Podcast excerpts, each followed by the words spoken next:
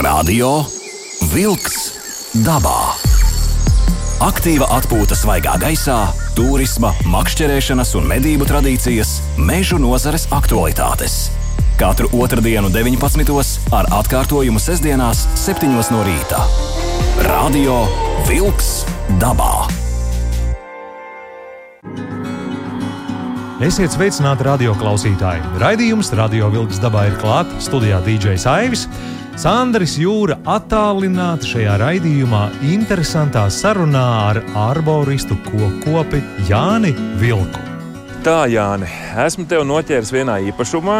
Šodien būs raidījums par to, ka, ko nozīmē arborista darbs. Šobrīd mēs esam īpašumā, kur ir uzdevums saglabāt lielos kokus. Šeit ir tāds viena ļoti pieklājīga lapegle, divas tādas jaunākas, un uh, tad ir liepa, diezgan arī jau stipri liela, un trīs kārtīgi ozoli. Procentuāli, cik tu braukā pa Latviju, nu, cik, ir, cik kokos ir bijis arborists? Nu, īstenībā laukos ļoti maz ļoti maz. Daudzās vietās ir, kur saimnieki jāsaprot, kad sāk krist lielie zari virsū, vai radās vēl kaut kādas citas problēmas. Jā, tad saprot, ka ir jāmeklē cilvēku palīdzība, kas to saprot, lai viņus varētu savest kārtībā, lai nebūtu vienīgais uh, mērķis tikai nozāģēt to koku. Nu jā, jo šeit uh, jāsaka uzreiz, uh, arborists ir ne tikai cilvēks ar zāģīti, bet arī ar alpīnistu zināšanām.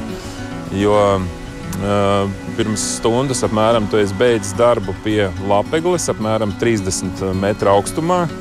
Bija pašā galotnē, teica, gan galotne ir nolūzusi. Mazliet pastāstīja par šo milzīgo lapegli.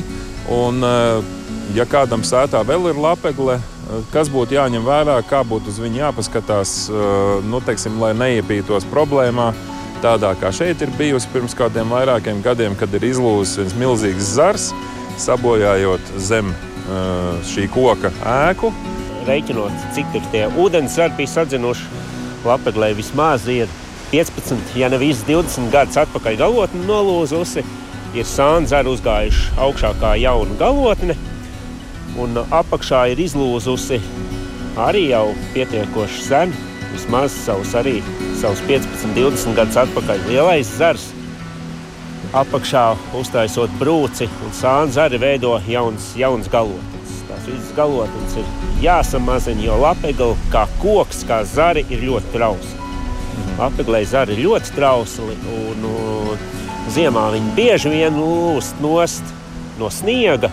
Arī bieži vien vasarā, ja ir lielāka vēja un lietus gāzes, tad arī garākie zari ja kārtīgi vējš iepūšiņos, arī atlauž. Un šeit ir jā, šim kokam ir ļoti daudz bijis sausie zari, kas ir nolūzuši. Tad novācām visus, izā, izāģēju visus sausos zarus ārā, samazināju attiecīgiem zariem galus, ievilku vainagu, lai tas koks vēl varētu savus 20, 30 gadus šeit dzīvot bez problēmām. 20, 30 gadus, tu domā, nebūtu arboristam šeit jākāp? Nē, arboristam noteikti vajadzētu atgriezties nu, sev pieci, pēc pieciem, desmit gadiem, paskatīties, kas mm. šeit notiekās. Ja ir sausies zari, vai arī tie paši, kur ir ņemtas galotnes nost, samazināts, ka vai kaut ko vēl nevajag. Ja? Lai maksimāli uztaisītu šo koku drošu un viņš būtu ilgmūžīgs. Jo šeit, man liekas, nebija tā, ka tikai uzkāpjot kokā, tu saprati, ka galotne ir nolūzusi. Protams, jā, no, jo no lejas ļoti grūti bija redzēt, jo tik biezs vainags kā šim kokam bija. Nevarēja īsti saprast, redzēja, ka kaut kas augšā ir, kaut kāda problēma.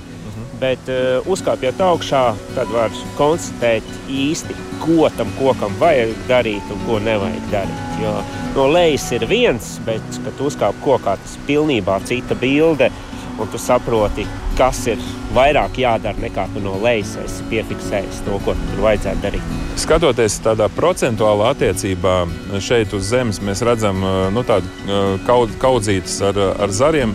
Procent, procentuāli Nu, cik tu esi izņēmis ārā uh, koka masu? Aptuveni kaut kāds 10% tikai. Galvenais bija sausie zari un nu, pa, atsevišķiem zariem gal, ga, galus izņēma ārā. Jo ļoti daudz bija ziemas periodā un nu, ilgo gadu periodā sakrājušies žāklēs, sakrituši vecie zari, kas, jā, kas veidoja to sauso masu un, un, un, un, un, un tos džungļus, kas bieži vien ir daudzos žākļos, kas, kas vajag iztīrīt, lai tur nekrātos sniegs ziemas periodā un nebūtu li tik liela masa, lai tam ziemas periodā būtu visur, kur uh, visur liekās vietās viņš varētu izkrist ārā un neuzkrātos koku vainagā tik biezi. Kurā gada laikā labāk veikt šos darbus? Kopšanas darbus var veikt reāli visu cauri gadu.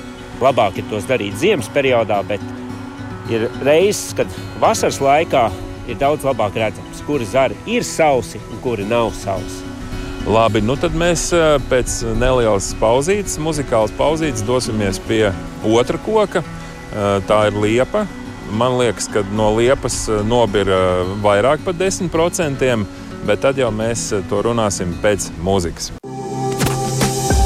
Radio Wolks dabā. Šobrīd stāvam pie liepas. Starp citu, ja skatāmies uz liepas diametru, tad uh, dižliepa, tuvu dižliepai? Nu, daudz vairs netrūkst, lai būtu diškoks, bet nu, līdz diškokam ir viņai vēl būtu jāaug daudz un dikti. Starp citu, mēs pa lapegli runājam, cik lapeglei? Lapeglei 3,20 un tai lielai lapeglei bija 2,95. Tā kā nu, vairs daudz netrūkst. Nav, nav vairs tālu. Ja? Nav vairs tālu. Jā, vietējās nozīmes diškoks būtu. Labi. Uh, skatoties uz šo liepu, ir pilnīgi skaidrs, ka uh, šis arī ir ciets no, no vējiem lieliem, un uh, liepa ir arī bez galotnes. Jā, šī liepa ir arī kādā vētrā kārtīgi cietusi galotne ir nolūzusi vairākus gadus atpakaļ, jo ūdens zari ļoti daudz un jau veidojušās jaunas galotnes no lielajiem zariem. Vidus ir viss uh, tukšs, kārtīgs dobums līdz pašai zemē. Tas lūzums ir aptuveni 9 metru augstumā. Ja, ka galotne ir nolūzusi kādā vētrā, un apakšējie zari veido to vainagu. Ūdens zari atsevišķi, kas ir iznākuši, izauguši no stumbra. Tā kā, tā kā jā, tas koks, vērtība viņam ir. Ja, tāds ainaviskums, un tomēr šai vietai tie vecie koki vairs pie mājām ir ļoti maz palikuši. Bet šādi viņu sakopjot, viņi jau ilgi un dikti dzīvos. Nu, man liekas, ka jā, šeit no šī koka nobira vismaz 20, ja ne pat 30% no koka zaru masas. Jā, ap 30% tika noņemti, jo visi garie zari tika atviegloti. Vecie zari ir pat ap 20 centimetriem diametrā. Uh -huh. jā, lai tie neizlūtu ārā, lai samazinātu masu. Zara gali tika saīsināti, maksimāli izretināts un uztaisīts tā, lai tas koks dzīvot vēl ilgi un dikti. Nu, un te arī sanāk, apmēram šie 5 līdz 10 gadi viņš mierīgi turēsies. Jā, viņš turēsies, viņš ir drošs. Protams, ir pēc lielākiem, lielākām vētrām vai kaut kādiem orkānu veidiem, kas, kas mums ik pa brīdim parādās Latvijā, jā, tādām lokālām vētriņām. Tas koks ir jāapseko, jāapstāsta, vai tiešām vai viss viņam ir kārtībā. Ja jūt, ka kaut kur ir kāds zars vai kāda plaisa parādījusies, nu, tad jā, vajadzētu atsaukt atkal speciālistu, kas var novērtēt to koku, vai to koku ir iespēja vēl saglabāt vai nē. Man liekas ļoti interesanti, ka tu teici, ka tas koks ir tik ļoti salapojis un tik kupls, eh, kas, manuprāt, ir nu, ļoti labi. Eh, bet tāpat laikā aiz viņa aizķerās ļoti daudz vēju. Ja, un, ja ir liels vējš, tad eh, katra lapiņa, lapiņa pie lapiņas, zaru sistēma jau veido sienu. Protams, jo biezāks vainags, jo lielāka būra kokam. Jo retāks vainags, jo vējam ir kur izskriet cauri. Ja, reiķinot, ka šeit ir teikt, e, klajā laukā, pa vidu viens koks, kur visi vēji no visām pusēm to koku lauza uz, uz vienu pusi, uz otru pusi. Un tad, tad jā, vajag, vajag viņam izritināt to vainagu tā, lai tas vējš censtos izskriet cauri, lai nebūtu tā būra, lai viņam nav kur atdurties un lai viņš nelauž tos lielos garos zarus ārā. Pāris vārdus par to neredzamo koka daļu, sakņu sistēmu. Nereti iegādājoties jaunu īpašumu, bet arī vecajā īpašumā mēs vēlamies veikt kaut kādus zemes darbus. Pastāstīja par šiem zemes darbiem apkārt šiem lielajiem, senajiem, dižiem kokiem. Nu, nebūtu vēlams, protams, ja tiek zeme līdzināta, ka uzlīdzina virsū. Kokam vainaga projekcija, jā, vainags un vēl plus 10 metri. Nevajadzētu tajā vainaga daļā ņemt un bērt augšā zemi. Jā. Ja uzbarot zemi, saknēm netiek uh, gaiss klāt, un koks sāk, sāk lēnām, lēnām smakt nost. Tad sāk pēc pāris gadiem parādīties, ka sāk galvot un kalst, vai vēl kaut kādi zari sāk uh, kalst nost. Vairs nav pieaugums. Tā kā ir ļoti jāskatās, nu, nevajag censties. Nav veciem kokiem, viņš kā ir audzis, viņš ir pielāgojies tai videi, un ja viņam uzbēr virsū zemi, tad atkal ir ļoti liels problēmas. Nu, tā ir bumba ar laika deglu. Pēc pāris gadiem var aiziet tas koks bojā. Bērzi ir, ir bērzi, kas ir ļoti jūtīgi uz uzbēršanu. Ja? Atsevišķas koks sugas ir mazāk, ja? jo pie jūrā, kur ir priedes, kāpu zonā, ir redzēts, ka ir pat metrs spriedēm uzpūsts, tas smilts ir un priedes skaists aug. Viņas ir pielāgojušās mm -hmm. ik gadus tiem apstākļiem, bet šeit, šādās viensētās, nu, nebūtu vēlams, jo katra tehnika, kas līdzina kaut ko dara, tas bojā sakņu, eh, kokam saknes un ir veidojas ļoti liels problēmas. Nu jā, citam varbūt jāizrok. Eh, trūks jāliek eh, zemē kaut kādus kabeļus, tad arī faktiski ir jāizvairās pārakt šīs saknes. Protams, lielām saknēm nebūtu vēlams viņas pārakt. Ir mūsdienu tehnoloģijas, ir gaisa lāpsts, jā, kur ar kompresoru izpūš tranšēju saknes nebojā, pa apakšu izvada, ieliek kabeļus, trūkas un nav problēmas. Jā. To visu var izdarīt, ja to grib. Tas, ir, protams, maksā. Tas nav lēts pasākums, bet izdarīt to var, ja tā, tā koka vērtība ir un apzinās savā īpašumā to koku vērtību, nu, tad es domāju, ka saimnieks darīs visu, lai to koku saglabātu un tās komunikācijas ieliktu tā, lai lai kokam būtu labi un, paš, un saimniekam arī. Nu, neaizmirsīsim, ka koks var atriepties. Ja? Viņš vienkārši vējā var, eh, ja tu sabojā viņam sakņu sistēmu, viņš tev uzgāzīsies uz mājas, un tas sanāks stipri dārgāk. Protams, to mēs bieži vien varam redzēt pilsētās, kur, kur tiek bruģis likts, ceļš būvēts, kad ik pa brīdim kāds koks izgāžās. Liekas, ko tik liels koks eh, bija, visu laiku auga, viss kārtībā. Mēs te bruģīti uzlikām, lai vēl foršāk ir, un pēkšņi viņš un nogāžās. Tieši tā, un tur ir, tur ir lielāko daļu izrakts saknes, nobojāts, un tas ir tikai laika jautājums kokam. Labi, nu tad klausāmies tagad uh, meža ziņas. Uh, Aivs uzspēlē pāris labas dziesmas no Latvijas radio labākās fonotēkas, un tad mēs turpinām sarunu jau ar Jānu Vilku par ekipējumu. Meža ziņas! Sniegs ziemā, kā arī siltums un mitrums pavasarī, ir veicinājis odu savairošanos. Šogad laika apstākļi ir bijuši labvēlīgi odu kāpuru attīstībai dažādās seklās ūdens tilpnēs, kur ūdens turējās pietiekami ilgi. Sākot no maija beigām ir diezgan silts laiks, kā rezultātā odi noslēdz savu attīstības ciklu, tādēļ arī vērojams liels skaits kukaiņu. Asinis cilvēkiem un dažādiem zīdītāju dzīvniekiem sūdz odu mātītes, lai varētu sekmīgāk attīstīties odu olas. Odu aktivitātes ilgums būs atkarīgs no tā, kāda laika apstākļi būs vasarā. Odiem gadā var būt no divām līdz trīs paudzēm.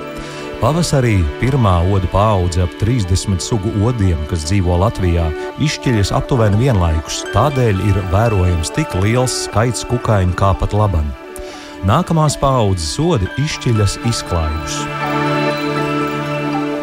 Ir izdota karte Mežtaka dienvidu daļa, kas ir Mežtakas pārgājienu maršrutu turpinājums Kurzmē un Lietuvā. Līdz ar šo izdevumu gājējiem ir pieejama karte visā mežtakas garumā no Tallinas, Igaunijā, cauri Latvijai līdz Lietuvai un Lazdiju pilsētai pie Lietuvas-Polijas robežas. Mežtaka ir Eiropas garās distances pārgājienu maršruta E11 daļa Baltijas valstīs, kas ved cauri Latvijas, Lietuvas un Igaunijas skaistākiem mežiem un nacionālajiem parkiem. Maršruts ir ejams abos virzienos. Mežtakā var doties gan īsā pastaigā, gan dienas vai nedēļas nogales pārgājienā. Pirmajā ekspedīcijā Baltijas jūras rifu kartēšanā pētnieki piedzīvojuši pastiprinātu buļbuļsīvju interesi. Piecnirēja komanda devās aptuveni 30 metru dziļumā, lai iegūtu bentus paraugus. Ievākšanas procesā pētnieki kļuva par buļbuļsīvju izpētes objektiem. Buļbuļsīvis ir teritoriāla zivju suga, un nirēju grupu uzskatīja par iebrucējiem viņu apsargātajā teritorijā. Šāda buļbuļsīvju interese par mums vēl nebija piedzīvota. Tās droši pietuvojās un izrādīja gatavību iekost pirkstā. Mums nācās pārliecināt buļbuļsīvis, ka esam ieradušies ar miermīlīgiem nodomiem. Šī starpsugu komunikācija izvērtās mulsinoši uzjautrinoša, jo buļbuļsīvis izskatījās tādas smieklīgi briesmīgas, bet būtisku kaitējumu cilvēkam nodarīt nevar, norādīja pētnieki. Tās bija meža ziņas. Radio Wolks dabā. Aiziet dabā! Jānis Vilks, arborists un arborista ekipējums. Ļoti lielais uh, virvju uh, daudzums. Liekas, ka tev patīk kāpt kalnos. E, nu, jā, nu, virvju daudzums ir ļoti liels. Jo jārēķinās, ir, ka koka garums mainās. Jā, jo koka Reiķinot, ka koks ir 20, 30, ir pat 40, pat 50 metri. Jā. Arī Latvijā tādi koki ir, kas pie 50 metriem ir gari. E, jā, vajag dubulto garumu. Tātad, ja tev ir 50 metrīgs koks, nu, tad tev 100 metri, pat vairāk, 110 metri obligāti ir vai jābūt, lai tu varētu tajā kokā tikt. Un tagad ir pats interesantākais. Bieži vien e, izmantoju, ja ir garāks koks un ir ļoti biezs vainags, tad es izmantoju kaķeni jā, ar ko es uzšauju attiecīgi virvi augšā ar, ar atsvaru, lai, lai, lai pāri zariem pārvilktu, pārvilktu savu kāpšanas viru, savu inventāru, lai es varētu tikt tajā kokā augšā. Nu šeit tagad ļoti precīzi. Kaķene, nu, tā ir tāda tā, nu, liela, liela, liela uzparikta. Jā, tā ir liela uzparikta. Tā nav kā kādreiz bērnībā ar, ar, ar akmentiņiem šaudījāmies. Tā ir tāda nopietnāka kaķene ar, kārtīgu, kārtīgu gumiju, un, un, un, un, lai kārtīgi atsvaru var ielikt iekšā un ar kārtīgu atbalstu kāju. Nu, Kaķene ir tava auguma izmērā apmēram. Jā, viņa pat ir garāka, ja viņa izbīda, izbīda tad viņa ir pār pa 3 metriem. Un, un, un lai, lai kārtīgi atvilktu, lai varētu dabūt tos 30 metrus pāri pāršaut zariem, tad jā, Labi, ir kaķene. Un kas ir tas, ko tu šauji, vai uzreiz tu šauji jau virvi? E, tas ir, tā ir papildus virvīte ar, ar maisiņu. Jā, tas ir speciāls maziņš maisiņš, kur ir 250 pat 300 gramu ar teikt, svinu bumbiņas iekšā. Tajā maisiņā un ir tāda tieva, tieva vir, aukliņa, ar ko es, ko es uzšauju augšā, pārs, pārmet pāri zariem nolaižu lejā, piesienu savu darba virvi un velku augšā, nostiprinu viņu, lai es varētu tikt augšā kokā. Augstākais esmu 49 metrus šāvis augšā. Un ar pirmo reizi? Protams, ka nē.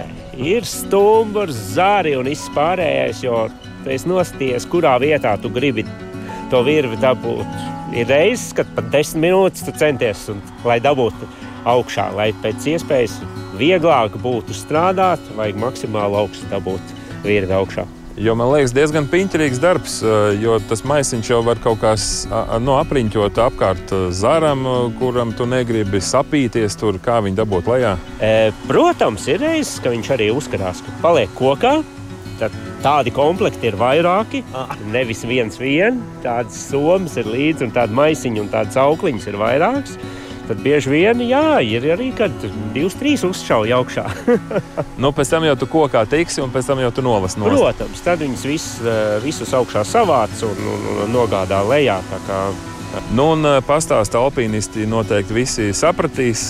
Es diez vai un parastais cilvēks, kādā tehnikā tu pārvietojies pa koku?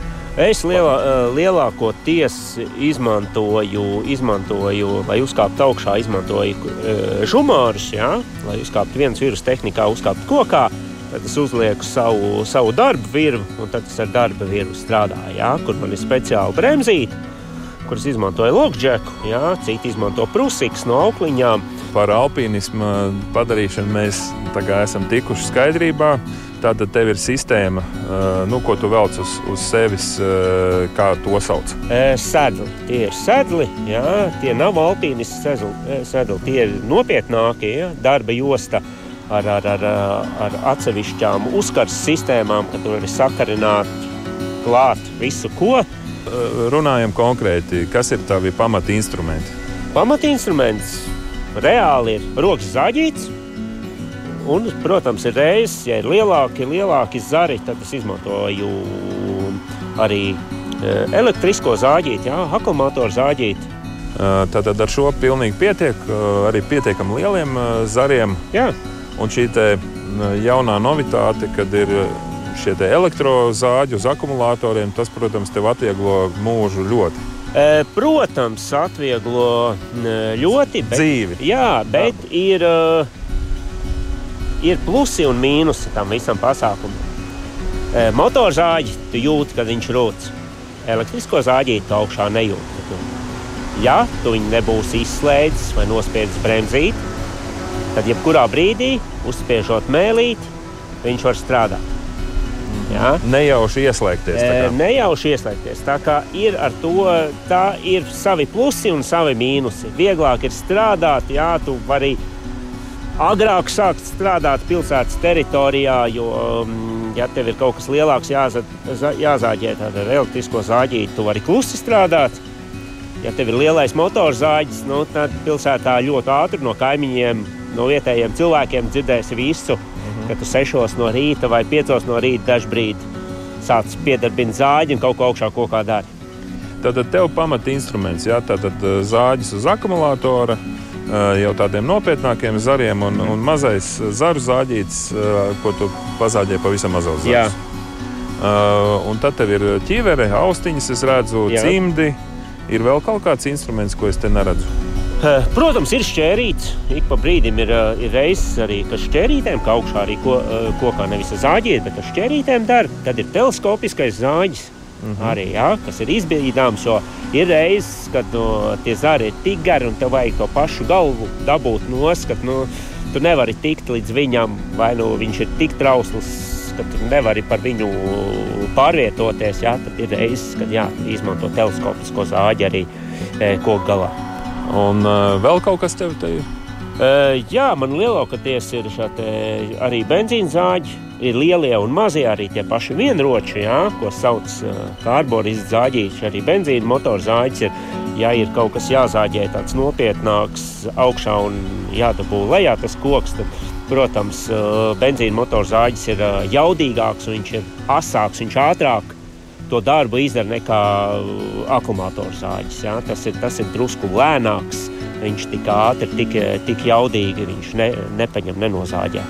Uzreiz. Arboristam likums pieprasa, lai arī cik tu neesi profesionāls, lai arī cik tu neesi ļoti labs meistars, tomēr jūs strādājat divatā. Jā. Uh, nu viens ir kā rezervists. Ja? Jā, ja kaut kas notiekās kokā, tad viņš, nu, viņš redz, Viņš, re, viņš domā tāpat kā tu augšā. Viņš redz visu, lai, ja vajag kāda palīdzība, padot kādu instrumentu vai, vai tos pašus zarus vajag nolaist ar virvi, lai viņš saprot visu to, to darbu, ko tu tur augšā dari. Tev ir gadījusies kāda ekstrēma situācija? Uh, ir reizes, ir bijuši, jā, kad, kad, kad, kad, kad, kad esi noslīdējis, nobraucis arī kādus desmit metrus lejā par, par koku stumbru.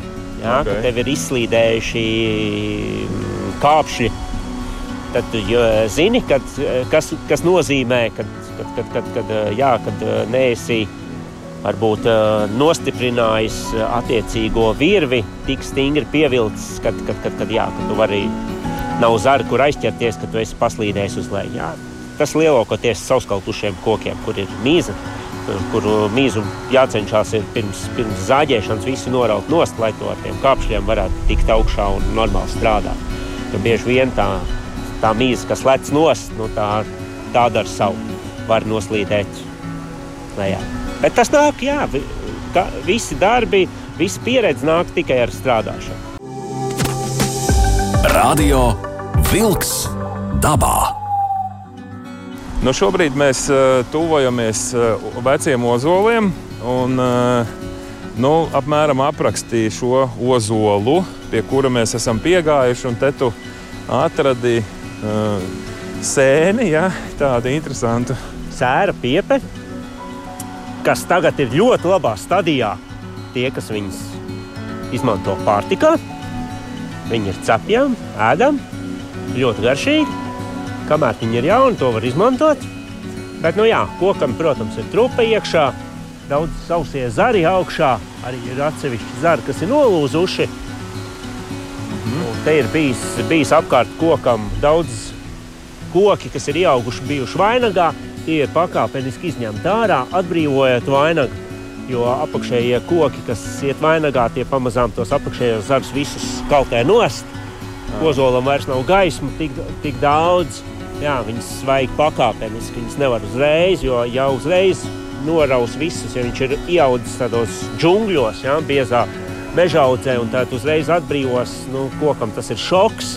À. Viņš ir pieradis tādā pusēnā, un tā viņam ir saule, tad bieži vien apdeg, apdeg zari gali, un, un, un, un tā viņš pusi, pusi daļu vainagu atmet nost. Tad tu gribi teikt, ja mums ir ozols, liels ozols ieaudzis, nu kā jau ir laukos, vai ne viensētās, eh, vai arī meža masīvā ieaudzis dziļi kokos, tad viņu tomēr atbrīvot lēnām. Jā, pakāpeniski. Jo, ja pat uzreiz atbrīvos, nu, kokam tas ir šoks, kad uzreiz viņam uz stumbra ļoti labi saule sāk spīdēt un viss pārējais. Bieži vien var no saules arī atlekt, kurš kārtīgi saules spīd, atlekt arī mīzenost. Kas vēl būtu par ozoliem jāzina, jo ozols mums ir tomēr tāds nu, nacionālais eh, koks eh, neta, ja, un uh, viss ir ozols, un spēks ir ozolā, un vīrs kā ozols, un tā tālāk. Un tā tālāk. Uh, jā, ozols, jā, tas ir cietais lapu koks.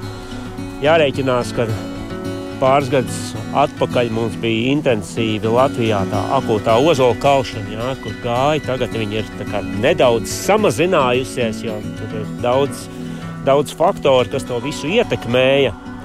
Nu, jācer, ka kad, kad, kad tā sērga būs mazinājusies un neies tik daudz bojā, kā pāris gadus notikās ar ozoliem, kad, kad, kad jā, ozolī varēs atkopties un būs kārtībā.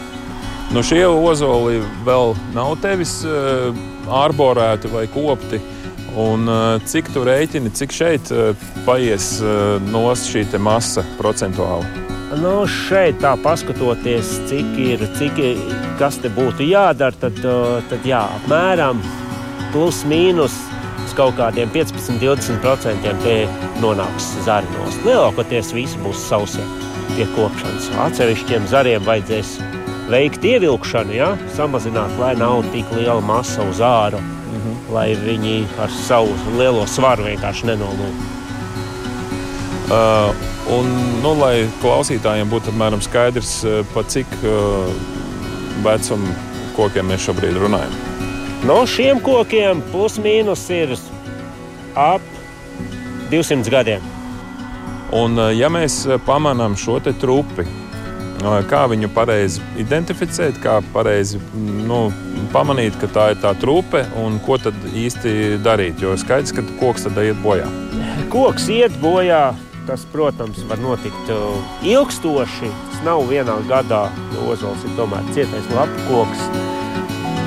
Ka, ja viņam ir trupe, ir jāskatās, kas ar vainagu ir jādara. Jā, vai varbūt vainagu vajag paritināt vairāk un samazināt. Ja viņš veido ļoti daudz ūdens zarus, tad, tad, tad, jā, tad to vainagu vajag maksimāli samazināt, bet ir jāsaprot, kurā vietā, kā to izdarīt. Nevis, nevis vienkārši ņemt uz, uz dūlo kaut ko apzāģēt. bet saprast, ko tam kokam un pakāpeniski viņam samazināt vainagu, lai maksimāli to koku noturētu, lai viņš dzīvotu ilgi un nenolūtu un neapgāstos. Nu, šī nav tā situācija, ka ozols tiks, ar, tiks pats ar sevi galā. Ja? Nē, nē, nē, nē, nē nav. Nē, nav. Kā... Bet pastāv uzskats, ka daba jau vislabāk zina, kā viņai jārīkojas, un uh, visu atstājam dabas varā. Kā ir ar šo pārliecību? Eh, bieži vien uh, jā, daba izdarīs savu, ja būs liela vēja, un tas kokam tiešām ja viņš ir kārtīgi iztrupējis, un viņam būs iekšējas problēmas, un viņš sapratīs, ka nu, viņam ir pēdējais brīdis pienācis, ka viņš vairs nevar sevi noturēt. Tad viņš centīsies maksimāli atmest, atmest liekos zarus, tiesāks no eh, zaru galiem kalst, jā, un samazinās un veidos viņš maksimāli tuvi stumbram, jauns ūdens zars, kad, ka, jā, ka viņš grib to lapot un samazināt, lai atvieglotu savu, savu dzīvi. Ja jau reiz ir īpašums, tad uh, mēs gribam sev dīķīti. Ja viņa nav, tad viņu izrokam un visu zemīti uh, nu, izlīdzinam ar traktoriņu uh, apkārt šim dīķītim. Un pastāst, lūdzu, stādot jau jaunos kokus, kādi procesi tur notiek. Jo šeit arī ir dīķīts, nu, nosacīts, svaigi izrakts. Un, un ir kaut kādi koki mēģināt stādīt, bet ne pārāk auga. Uh, jā, Eh, izrokot, izrokot dīķi, to zemi, kas ir dīķī izsmelta ārā, viņai vajadzētu pāris gadus nostāvēties. Lai tur viss degšanas process notiekās, lai tā zeme e, nav vairs toksiska. Jo svaiga zeme izrakt no dīķa, viņa ir toksiska, tur notiek visādi degšanas un visādi rūkšanas un visādi citi procesi, kas koku saknēm jaunajām, ja tur iestāda tagad jaunos kociņus, vienkārši viņus apdeg. Ja? Un, un, un, un tie koki aiziet stādīties ļoti daudz bojā. Tāpēc, jā, vēlams būtu, ja izrokta pāris gadus, lai tur izsalst visu ziemas procesu, iziet cauri pāris gadus, lai viņš ir normāli izsalsts. Jo zālauks, zālauks viņā, jebkurā gadījumā arī svaigā izlīdzinātā, bet koks stādīt svaigā nebūtu vēlams vai dažādu veidu sēņu uh, parādīšanās uz augsnes būtu apliecinājums tam, ka tur notiek kaut kāda procesa? Jā, tur visādi pūšanas procesi notiekās. Tur varētu visādas koku daļas būt iekšā, kas, kas ir bijuši dīķī, kaut kādas saknes un viss. Un tās jā, tur tikuši labvēlīgi, veidojās labvēlīgi apstākļi, un tur sākas parādās izlīdzinātā zemītē, tur sēnītes visādas tas, tas, jā, bet tas nav ilgstošs process. Tā, tās saknes aiziet, viņas ir sairušas, pārveidojušās pa zemi, tad tās senītes arī pazūd. Ja mēs runājam par jaunu koku stādīšanu, šeit arī mēs apskatījām vairākus jaunu iestādītus kokus, un uz dažiem tu vērs uzmanību, ka ir pat dziļu, pārāk, pārāk dziļi tas koks ir iestādīts. Uh, jā, ir daudz, uh, bieži vien tā notiekās. Arī pilsētā to var konstatēt, ka koks pat pa dziļi iesaistīts. Sākumā, kad viņi stāda, viņu vajag drusciņus tādu pauguriņu uzstādīt. Lai, lai, jo koks nosēdīsies zem, sasēžās tāpat. Ja, un, ja, viņi, ja viņi iestāda jau līdzi sakņu kaklu, tad uh, zemē nosēžoties, tas koks iegrims dziļāk un sanāk, ka viņš ir pat dziļi iestādīts un tas kokam vairs nav labi. Viņš sāk uh, sust, uh, viņam vairs skābeklis tā nepieiet klāt, un, un, un viņš lēnām, lēnām aiziet bojā. Mēs it kā labu gribēdami sasadzam to koku sakni, ja, bet izrādās tas ir lieki. Jā, labāk ir uz tādu mazu auguriņu viņu uzstādīt, tā kā, tā kā tas sakņu kakliņš ir augstāks nekā apkārtējā zeme jo viņš pa gadu sasēdīsies, un, ja vajadzēs, tad, tad vienmēr var piebērt klāt. Mhm. Nekā, nekā viņu katru gadu ņemt tur celt ārā, jā, viņš ir pa dziļi iestādīts. Un pēdējais, ko darīt ar visādām vecajām ābelēm? Nu, ābeles jau ir pamatu pamatā, ja tur bumbieri ir mazāk un, un ķirši plūmes un tā tālāk. Ko darīt ar šiem vecajiem kokiem? Ko tu rekomendē? Viņi ir ainaviski, viņas ir jākopj. Vai viņas taisa priekš ražas, jā, lai maksimāli ražu iegūtu. Nu, tas noteikti tādā vecā mājā diži vairs nav. Tā ir vēsture. Tam kokam vairāk nu, viņš jāveido, lai viņš skaisti izskatītos. Jā, lai, viņš, lai viņš tomēr lai viņš tā, to papildus bagātību tam īpašumam radītu. Tātad nu, darām, kā pašiem patīk. Tur nav nekāda īpaša noteikuma. Nē, nē nu, protams, ir vajag izrādīt tā, lai viņš to ābeļu formu veidotu, ja kādu vajadzētu, lai nav tikai pašā galā pušķīts. Lai ir, lai ir normāls uh, vainags izrādījums, viss sausos ārā, krusteniskos, lai tai ābelē ir vieglāk. Labi, Jāni, paldies tev par šo sarunu. Uh, netraucēšu tev turpināt uh, strādāt šajā objektā, uh, lai tev daudz labi darbi, lai tev ir droši šajos augstumos, uh, strādājot 30, 40 un 50 metru augstos kokos, un lai Latvija paliek zaļāka, sakoptāka un lai ir veselīgāki šie tieši senie un vecie koki. Tieši tā. Paldies tev! Jā, visu labu!